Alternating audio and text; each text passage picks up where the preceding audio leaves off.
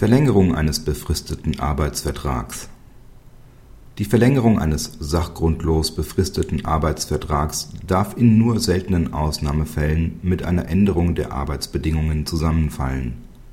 Eine zeitlich vorhergehende Änderung ist jedoch befristungsrechtlich unproblematisch. Die Parteien streiten über die Wirksamkeit der Befristung eines Arbeitsvertrags.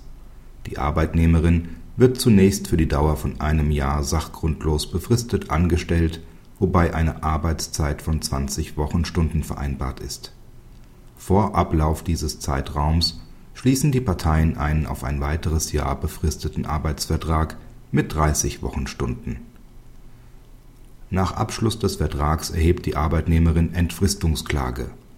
Der Arbeitgeber behauptet im Prozess die Erhöhung der wöchentlichen Arbeitszeit beruhe auf einem mehrfach geäußerten Wunsch der Arbeitnehmerin. Die Arbeitnehmerin obsiegt in allen Instanzen, da keine Verlängerung, sondern ein nach § 14 Absatz 2 Satz 2 Teilzeit und Befristungsgesetz unzulässiger Neuabschluss eines befristeten Arbeitsverhältnisses vorliegt. Nach § 14 Absatz 2 Satz 1 Halbsatz 1 Teilzeit und Befristungsgesetz ist die kalendermäßige Befristung eines Arbeitsvertrags ohne Vorliegen eines sachlichen Grundes bis zur Dauer von zwei Jahren zulässig.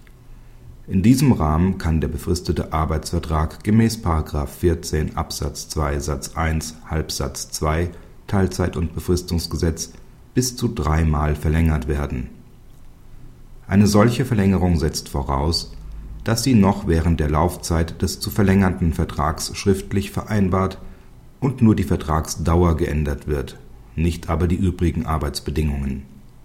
Andernfalls liegt der Neuabschluss eines befristeten Arbeitsvertrags vor, der nach § 14 Absatz 2 Satz 2 Teilzeit und Befristungsgesetz ohne Sachgrund unzulässig ist.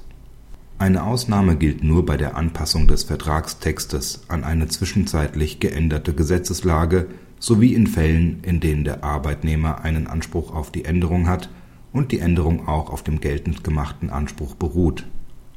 Vorliegend hätte die Arbeitnehmerin zwar gegebenenfalls gemäß § 9 Teilzeit und Befristungsgesetz eine Verlängerung ihrer vertraglich vereinbarten Arbeitszeit verlangen können. Das LAG kommt jedoch nach einer revisionsrechtlich nicht zu beanstandenden Beweiswürdigung zu der Überzeugung, dass mit der Änderung der Arbeitszeit nicht einem Anspruch der Arbeitnehmerin sondern betrieblichen Belangen Rechnung getragen werden soll.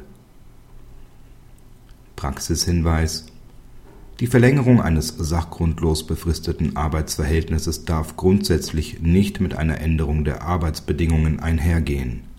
Dies gilt unabhängig davon, ob die Änderungen dem Arbeitnehmer günstig sind oder nicht.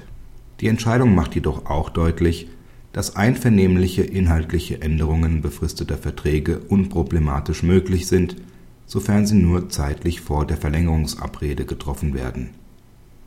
Entsprechende Änderungen unterliegen nicht der Befristungskontrolle. Für Arbeitgeber gilt daher die Faustformel erst ändern, dann verlängern, und zwar am besten mit zeitlichem Abstand